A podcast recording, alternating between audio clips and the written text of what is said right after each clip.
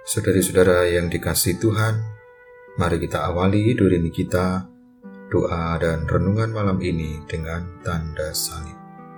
Dalam nama Bapa dan Putera dan Roh Kudus.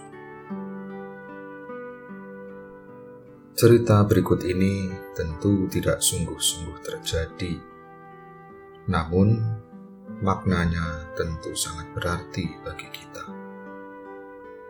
Entah mengapa, pada hari Minggu pagi itu, Tuhan Allah merasa sangat lelah dengan Ana, seorang ibu yang selalu pergi ke gereja. Selepas misa dengan seluruh kemuliaannya, Allah menampakkan diri kepada Ana. Katanya, Aku bosan mendengarkan doa dan permintaan yang tanpa pangkal dan ujung. Cukup sudah, anak. Sekarang mintalah tiga rahmat, dan aku akan mengabulkan semuanya. Ana menarik napas dalam-dalam. Saya ingin agar Tuhan membebaskan saya dari suami saya, ungkap Ana. Saya merasa berat hidup dengan Dia. Ambillah Dia, Tuhan, dan bawalah ke surga bersamamu. Ana merasa puas. Tuhan Allah langsung mengabulkan doanya. Suaminya meninggal, jiwanya terangkat ke surga sebagaimana dijanjikan Allah. Kemudian, Ana hidup menjanda. Ia mulai merasakan sulitnya hidup sendirian. Ia menderita kesepian. Teman-teman mengunjunginya dan berusaha dengan berbagai cara untuk menghiburnya. Tetapi Ana tetap selalu bersedih. Ia ingat akan masa-masa tertentu yang dijalani bersama suaminya.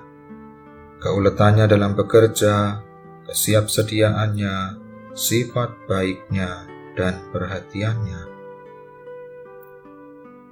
Tiba-tiba, Ana teringat kalau dirinya masih memiliki dua permintaan yang belum ia ungkapkan kepada Tuhan. Ana pergi ke gereja dan berdoa, Tuhan, Bapa yang penuh belas kasih, saya ingin agar engkau sudi mengembalikan suami saya. Saya ingin menjalani hidup bersamanya lagi. Dalam hitungan detik, suami Ana sudah ada di hadapannya. Keluarga dan warga kampung pun gempar dengan berita kembalinya suami Ana yang sudah meninggal itu. Ana menjadi sangat terkenal.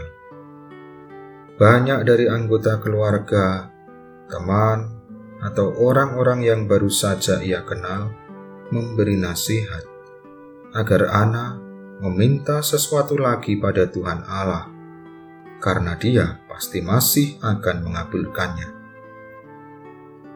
Ada yang mengusulkan meminta kesembuhan untuk orang-orang sakit di kampung itu ada yang minta kekayaan, atau juga ada yang mengusulkan untuk minta hidup selamanya.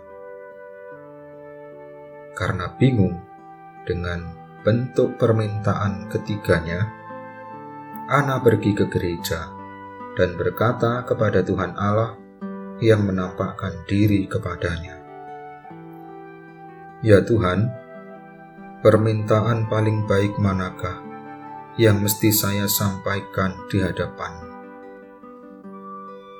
Allah menjawab, Ana, dengan ini berarti kamu telah mengajukan permintaanmu yang ketiga, yang terakhir.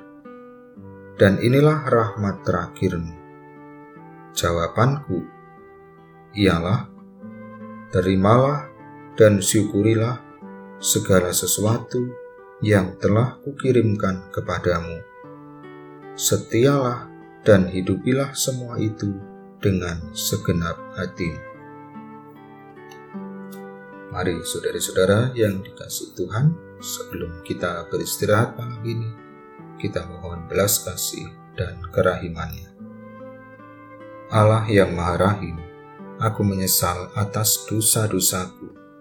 Aku sungguh patut engkau hukum, terutama karena aku telah tidak setia kepada engkau yang maha pengasih dan maha baik bagiku. Aku benci akan segala dosaku dan berjanji dengan pertolongan rahmatmu hendak memperbaiki hidupku dan tidak akan berbuat dosa lagi. Allah yang maha murah, ampunilah aku orang berdosa ini. Salam Maria penuh rahmat Tuhan sertamu, terpujilah engkau di antara wanita, dan terpujilah buah tubuhmu Yesus. Santa Maria Bunda Allah, doakanlah kami yang berdosa ini, sekarang dan waktu kami mati. Dan semoga istirahat kita malam ini senantiasa dilindungi dan diberkati oleh Allah yang Maha Kuasa, Bapa dan Putera dan Roh Kudus.